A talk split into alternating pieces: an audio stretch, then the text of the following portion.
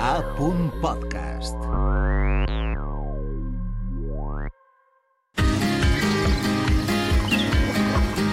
Ben i parlem, un podcast per aprendre valencià amb Aina Monferrer.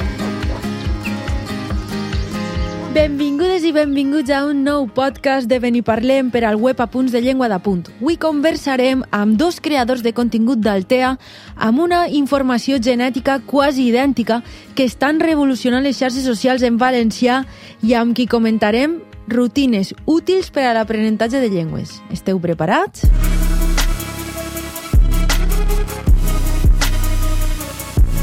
Donem la benvinguda a Aitor i a Loren a Beniparlem, el poble per a millorar el teu valencià formal.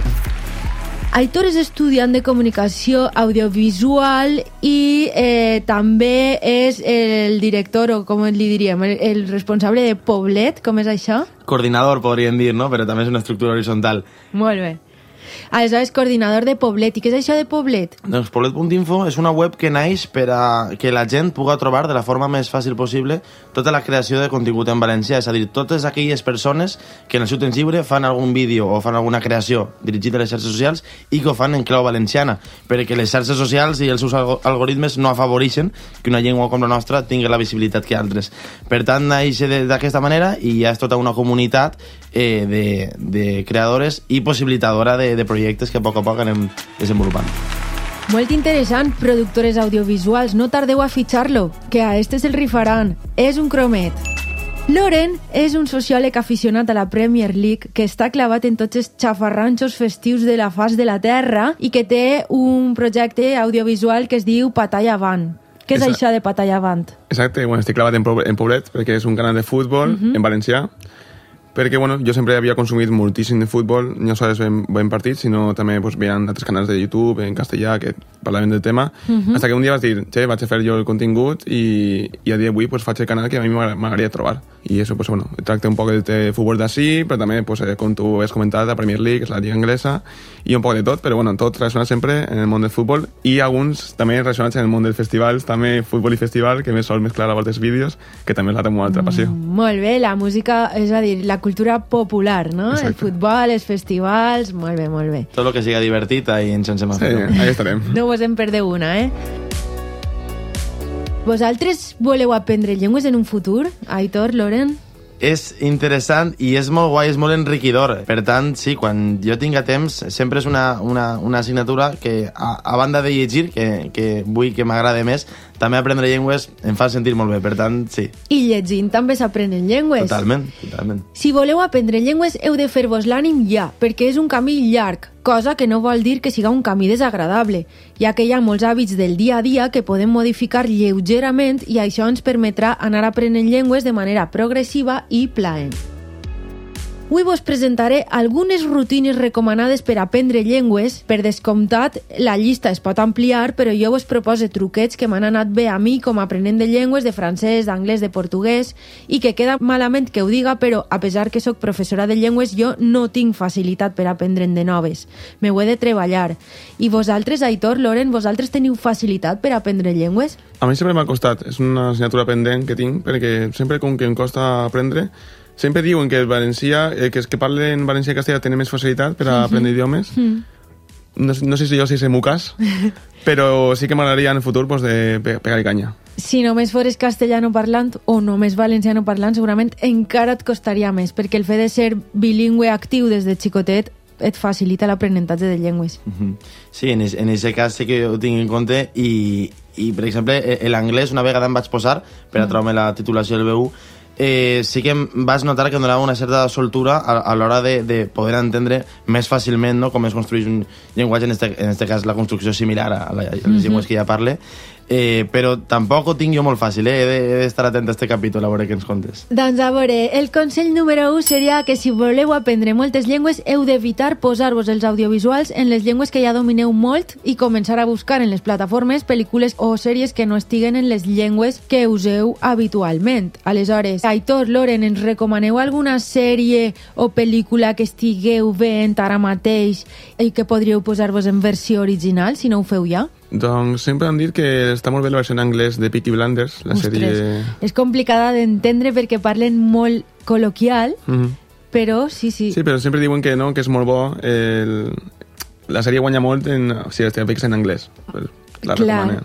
I, i Eh, Aitor? pues ens podríem veure la, la pel·lícula Call Me By Your Name, eh, Mhm. la sèrie Sex Education, i jo, per exemple, una que tinc pendent és Breaking Bad, i, i ja posat, doncs, hauria posar-me-la en versió original. Sex Education i Breaking Bad s'entenen més que Mhm. Peaky Blinders. I Call Me By Your Name està en anglès i en italià o només en anglès? Eixa- o mesclada, no ho sabem. Eh, no ho sé, no ho sé, la veritat. Jo és que la primera vegada que la vaig veure va ser en castellà, tot i que m'insistiren, va dir, vinga, no, en versió original. I en aquell moment eh, rebutjava més la idea, eh, però sí que és veritat que últimament quasi tot el audiovisual que consumisc ho faig en versió original amb subtítols. Val la pena, val la pena. I els subtítols és molt important que vos els poseu en la llengua original, si realment enteneu una miqueta de la llengua original, perquè és una llengua romànica o perquè l'heu estudiada pel que siga, doncs és millor que si esteu veient en anglès eh, Peaky Blinders que us poseu els subtítols en anglès. És millor per a l'aprenentatge de llengües que no que vos poseu els subtítols en castellà o en valencià, que no ajudaria tant a aprendre anglès, en aquest mm. cas.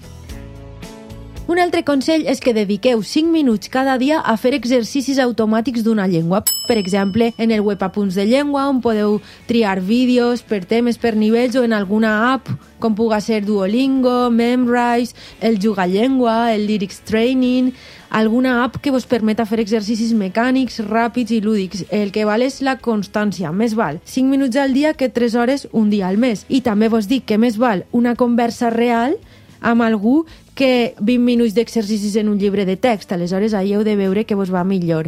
Vosaltres, Aitor o Loren, heu fet servir alguna app alguna vegada per a repassar valencià, anglès... Jo, eh, per la meva banda, sí que tinc sempre el, el diccionari de l'Acadèmia Valenciana de, de la Llengua per a consultar, eh, sobretot, vocabulari, eh, però eh, quan he estat en, en Itàlia, per exemple, he vist a, a, a diversos companys de per allí que estan en el Duolingo en un moment puntual. Jo, què feu? No, el Sí. Duolingo, perquè estem ahí posant-nos al dia per a, Quan vas per a defendre'ns. amb l'autobús o, o estàs al bany, no? tens els teus 5 minutets de repassar. Jo tinc que començar a implementar. Tinc el softcatalà sempre ara més pendent per, per a corregir les meves errades, que són prous. Mm -hmm. Però sí que tindria que començar a utilitzar aplicacions per a un poc pues, millorar un, la, utilització de les llengües. I alerta amb el softcatalà perquè és orientatiu, però no prescriptiu. Després sempre ho hauràs de contrastar amb el Diccionari Normatiu Valencià de l'Acadèmia Valenciana de la Llengua perquè pot donar-te respostes que siguen alguna cosa que no estiga bé. Mm. És un traductor orientatiu, però després ho has de repassar amb un diccionari normatiu oficial, com el de l'Acadèmia Valenciana de la Llengua. Ben i parlem, un podcast per aprendre valencià amb Aina Monferrer. També és important identificar els prejudicis lingüístics negatius tant envers les llengües com a aprenents de llengües. Això que pensem nosaltres, per exemple, Loren o jo, no se'm dona bé, no sóc bona aprenent llengües. Això, en el fons, ens impedeix també un aprenentatge efectiu de les llengües, perquè ja és com si fórem esportistes, no? Si dius, jo no sé tirar tirs lliures, doncs no t'ajudarà a encistellar els lliures, no? És una qüestió psicològica. Aitor, Loren, teniu alguna llengua que penseu que sona molt bonica? O alguna a la qual li tingueu una mania perquè no sona bé? Se- Sempre diré que el valencià és la llengua més bonica del món, però m'agradaria molt aprendre, perquè sona molt bonica i m'agrada molt la música que fan en aquesta llengua, euskera. Euskera. Euskar és, és una llengua molt interessant, una llengua dinosaure molt antiga. Ha un grup com, com Zetac que, que sona molt bé. A mi l'italià, a mi l'italià perquè és que qualsevol parauleta me sembla molt boniqueta i qualsevol construcció no, d'una d'una- una oració m'agrada molt. Estic, estic ahí una llengua enamoradeta eh, per, per veure si algun dia em llance. Molt bé. Doncs sempre pot ajudar, no?, esta motivació.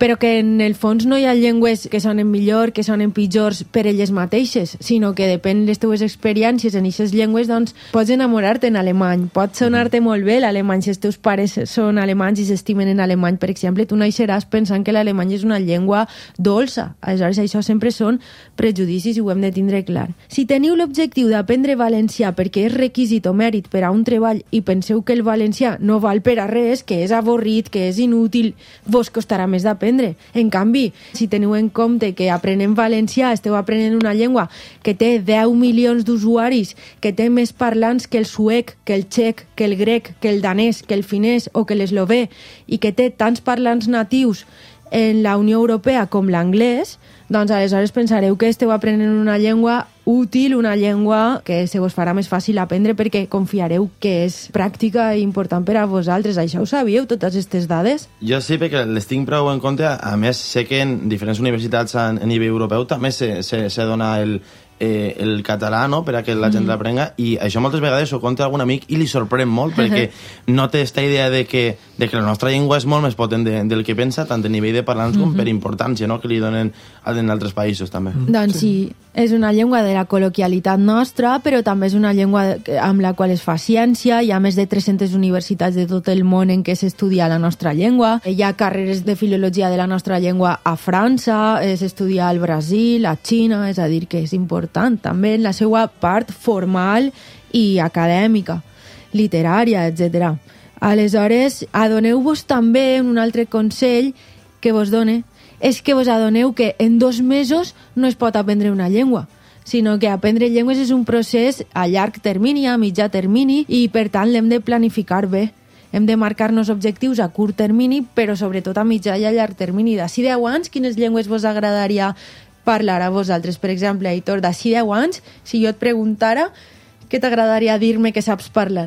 Doncs, per descomptat, ja que l'estic mencionant eh, l'italià, i saber un poc més o tindre més nocions sobre algunes de les llengües que hi ha a l'estat espanyol, no sol ser mm -hmm. el català, sinó com pot ser el gallec, o com bé comentava el meu germà. L'èuscar. L'èuscar, el que passa que eixa, eh, pel que tinc entès, eh, és, és, no, l'origen és distint i, per tant, eh, les construccions en eixa llengües són distintes i per tant hauria de parar més atenció però sí, conèixer un poc més també les mm. llengües de, mm. de si m'agradaria a mi m'agradaria perfeccionar l'anglès mm -hmm. no? sempre és important a l'hora també del mercat laboral i tot l'Euskar eh, que ja he mencionat, ja he mencionat m'agradaria poder tindre una conversació mitjanament normal en Euskar sé que és algo complicat, però no tant. és posar-se, és posar-se. Si tu t'estudies les estructures que es fan servir per quan vas a un restaurant, quan coneixes algú, quan viatges, tampoc no és tan, mm. tan d'esforç. A banda, l'Èuscar té, per exemple, coses fàcils com ara que només té cinc vocals, com el castellà, mm -hmm. i també doncs, que el 60% del vocabulari de l'Èuscar, com en el cas de l'anglès, prové del llatí. Aleshores, tu pots llegir un text en Èuscar i ja vas identificant moltes paraules. Mm -hmm. És veritat que és una llengua aglutinant, no flexiva com les nostres, i aleshores compon els significats en un enunciat d'una manera diferent, però no és tan difícil com a priori pensaríem. És és, és llançar-se, sí, i sí. tindre aquest ànim de veres per, per voler fer-ho. Sí. L'actitud, com comentaves, és, és clau. Una motivació intrínseca. I sabeu que es pot estudiar a l'Escola Oficial d'Idiomes de Castelló o a la de València Saidia? Es fan classes d'Èuscar. Mm -hmm. Doncs un altre consell és que respecteu els parlants de totes les llengües. Parlar en una llengua o en una altra no et fa ser mal educat. A molta gent que està aprenent valencià realment li agradaria poder tindre converses en valencià i no pot perquè els valencianoparlants ens passem al castellà de manera automàtica perquè pensem que és més educat fer-ho, quan en realitat el que estem fent és impedir que algunes persones tinguin l'oportunitat de practicar el seu valencià vos costa ser fidels lingüístics o en este sentit sou... Okay. Cada vegada més, jo crec que cada vegada més, eh, però alguna vegada em passa, per exemple, eh, tinc una companya a classe que, que, que per eh, descendència familiar té rasgs asiàtics i, i alguna vegada m'he llançat a parlar directament en castellà i ella, i ella ha sigut qui m'ha contestat en valencià i jo he pensat, mm. és, que, és que sóc estúpid, no? Sóc tonto, no, no, no eh, per què he pensat això, no? I a partir d'aquest tipus d'experiències són les que eh, me n'adonen, no? Que, que, Sí, moltes vegades de forma automàtica ens canviem, no? depenent, com ha dit Aitor, ha dit, de, de rasgos i tal. Però sí, sí que és veritat que fa ja uns anys vaig fer el, no, el, el canvi de manera conscient. El canvi de xip. Eh, parlar sempre valencià, no? I te ja. sorprenderies la, la quantitat de gent que parla valencià que no, no esperaries, no? En, en, en ambients formals, informals, i que n'hi ha que fer aquest canvi per a... Inclús gent que es sorprèn, no? Quan, quan, quan vas a un establiment, a algun negoci, i, mm. i, i parles en, en el valencià, doncs, ostres, sorprèn, dic, la, la gent normalment no entra així parlant de eh, esta llengua, i per tant ja es crea com una connexió extra i tot, eh, que, que és molt... No sé, ja, ja, ja ho crec, hi ha, confiança, ja, ja, ja ho crec, doncs sí. I ara, eh, doncs, per acabar els consells, també diríem que cada sastre fa el seu nuc i per tant cadascú tindrà les seues estratègies per aprendre llengües, les llengües que els agraden i que els funcionen. Podeu trobar productes audiovisuals en les llengües que esteu aprenent, podcasts, com ben hi parlem, o canals de Twitch, com el de LletTV, comptes de TikTok, com el de Patalla Avant, de Loren i molts altres per aprendre valencià. I també podeu, si vos serveix, fer servir recursos més tradicionals, com ara anar enganxant pòstits per casa amb paraules, si les persones amb qui conviviu no vos m'han aprenen per això, o escriure llistes de paraules, assistir a classes, que sempre crea un grup, una dinàmica molt interessant per aprendre, i la millor manera d'aprendre llengües és estar en contacte directe amb la cultura i poder practicar, no? També es pot aprendre, doncs, lligant, no?, amb persones, tenint ahí relacions sex- Totalment. amistoses sexoafectives, que sempre ajuda, no? En tots els àmbits. I, i a més, eh, quan ho tens en, en distintes persones, a mi m'ha parlat gent, jo sempre les he fet en valencià, però hi ha gent que pues, ho ha fet amb gent eh, en altres llengües i dius, ostres, que distintes aquestes paraules, o, o què, no? Eh, i, i bueno, també és una forma de, No, de normalitzar-ho inclús en aquest àmbit. Hi ha molta gent que aprèn llengües per amor, que això també és Sí, un acte... i tant, i tant. Una cosa que podria, po- podria fer jo. Jo crec que si m'enamoro de- d'algú de País Basc, pot ser que aprengui euskera. Sí, sí, sí, sí, pots anar a veure què, què cau per ahí. Que sàpiga la gent de País Basc que es prepare, no? Que, que... Doncs passem al joc. Voleu jugar? Sí, Anem allà. hem vingut. Ben i parlem, un podcast per aprendre valencià amb Aina Monferrer. Este joc es diu Cainisme lingüístic. Heu de criticar al màxim el vídeo que vos toque comentar. Posaré fragments de vídeos vostres i n'analitzarem els errors. Quan pose un vídeo de Loren ha de parlar Aitor i quan pose un vídeo d'Aitor ha de parlar Loren. Comencem amb un fragment de Loren que comenta Aitor. En el número 5 teníem el Brighton, un equipo que la idea que es complicat fer una lletja perquè els colors són molt bonicos, però diguem que l'estil que han fet mm, no m'acaba. Diguem que té com el collet, ¿vale? el collet queda mal perquè el collet acaba just en les línies, ¿vale? o sea, acaba, com molt precipitat, no m'agrada gens, la publicitat mm, talla totalment la samarreta de línies i com que, el, com que les sombreres, no, no sé si ho he bé, eh, són com massa amples, saps? Ell mateixa ja ha dit, no sé si ho he dit bé, la de les sombreres, i també ha dit una cosa només començar, el... El collet. El, co- en el collet i, i me sembla, em sembla que una altra. És que el meu germà, eh, en, jo de vegades fa, faig burla perquè en molts vídeos arrea moltes sabatades, que dic jo, no? Que, Faig una quantitat de sabatades bestial per vídeo. Perquè Com aquest- diríem ombreres?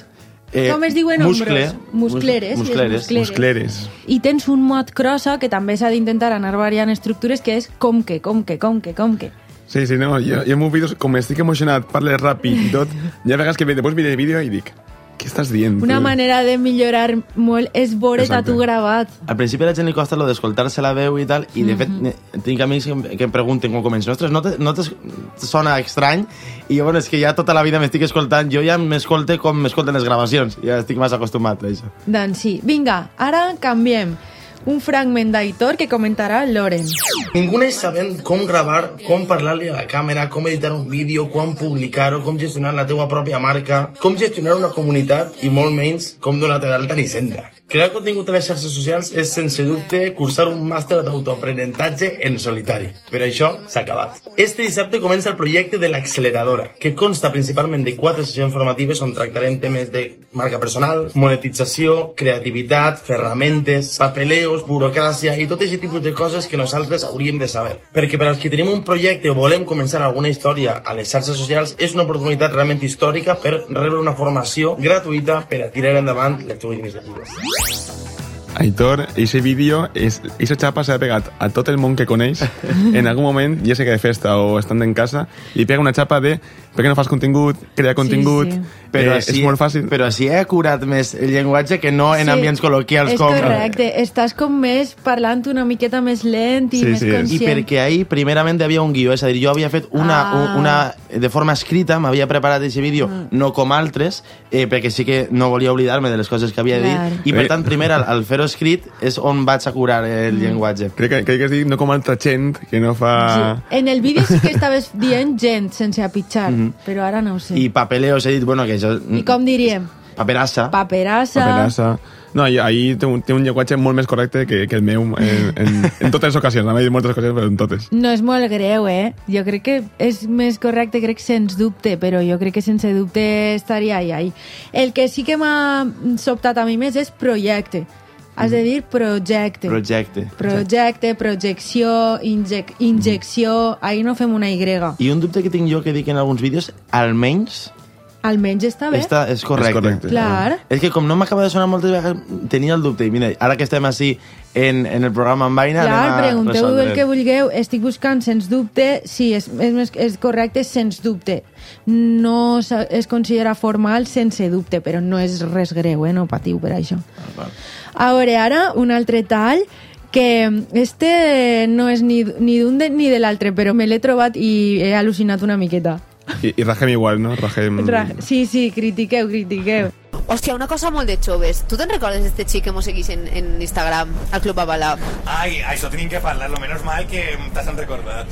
Perquè això, això igual sí que anem a fer nosaltres un punto i digo, sí, Belio, perquè n'hi ha una persona que, eh, com li dient... Loren Munoz. Loren Munoz. Arroba Loren Munoz, si mos està escoltant. Hem vist que ens seguixes en Club Avalà, però no ens seguixes ni a mi ni a Elies. En quin dels dos vols, vols lío? Vull dir-te, tens que anar dient ja perquè hem vist que estàs com tremebundo. Ese vídeo... Històric, Ara, eh? què és? Història Jo- de la creació en valencià, eh? Exacte. Jo ese dia em vaig alçar un dia... Ai, crec, ai, crec que, se venia... nuega, se nuega, crec, se crec que venia de, de festa i me vaig alçar com Mr.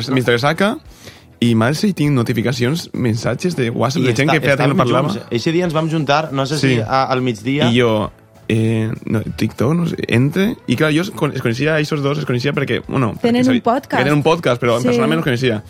I vas dir, que gent més descarada, saps? I, i si gent si volia utilitzar la llengua per a lligar... Ahí eh? podries haver practicat el valencià Sí, sí. Em, em, formal. damunt, es vas conèixer al dia següent. Es vas conèixer i com que sobretot, eh, ell estava com un, un, un poc vergonyós, en plan, ah, acabo de conèixer-lo i acaba de parlar de- d'esta persona, Molt no? valents per TikTok, però després... Però sí, sí, són gent prou peculiar. I així el llenguatge eh, tenen un registre, bueno, fan un, fan un podcast que és, és molt col·loquial en aquest sentit, pot ser... Babala Club, no? El Club Babalà. Club Babalà. Eh, acuren en alguna cosa, però en general, com eh, fan un ambient molt distès i, i col·loquial, Mm. Eh, doncs ja ho hem pogut eh, notar en, en certes expressions que també utilitzen castellanismes. Mo, diuen eh, mosatros, mos, més, més formal seria nosaltres, ens, però clar, si fas un contingut molt col·loquial i te'l penges tu a les teues xarxes, per descomptat, ningú et controla, tria tu el Exacte, sí, sí, registre. com diu Aitor, és un podcast pues, molt col·loquial, no? Mhm. molt, molt vasto. Han utilitzat també la paraula pues, tremebundo, no? que és una expressió clar. així que...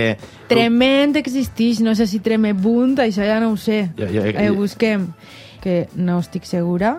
Em sorprendria que fora correcte. Sí, correcte, tremebunt, Ah, pues tremebunda. Uh, mira. Loren, tremebunt. Tremebunt. Estàs tremebunt, Tenia, germà. tenia que haver comentat. No es diu Trememunt, es diu Trememunt. Eres, eres tremebunt. no estàs.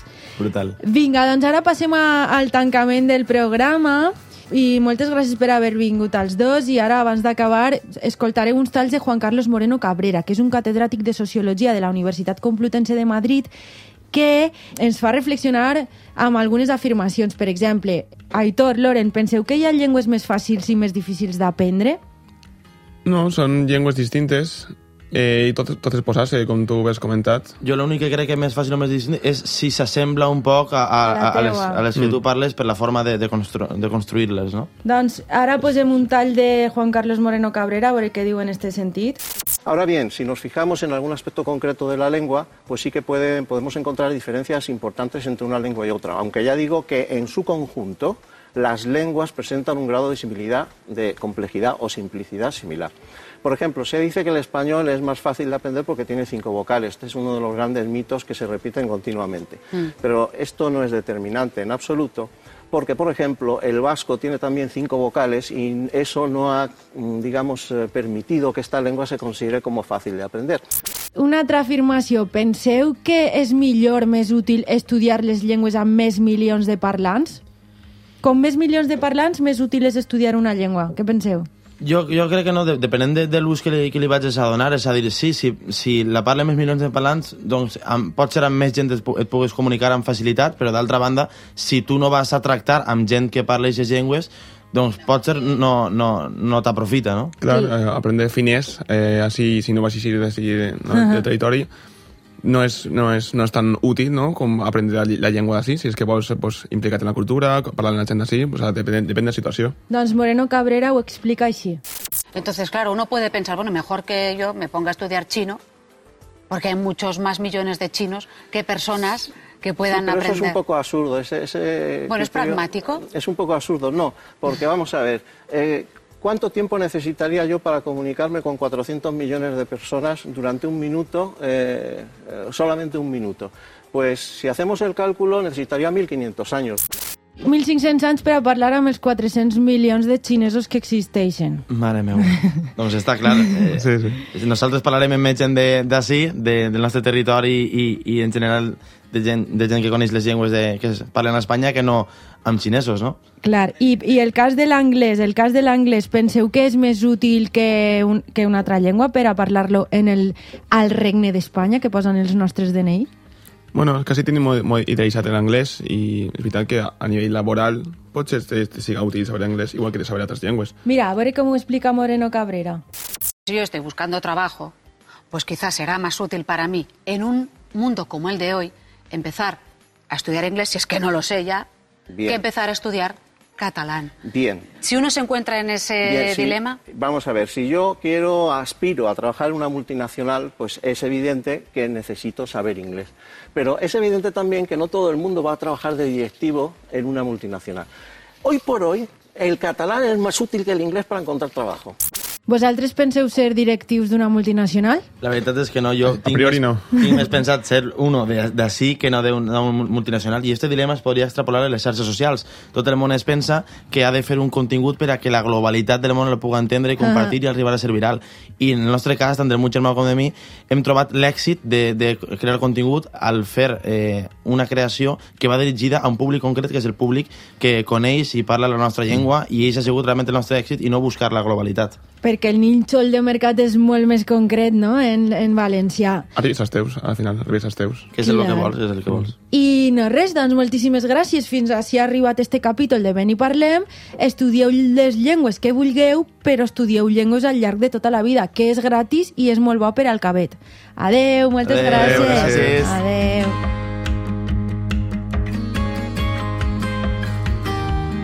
Ben i parlem, un podcast per aprendre valencià amb Aina Monferrer.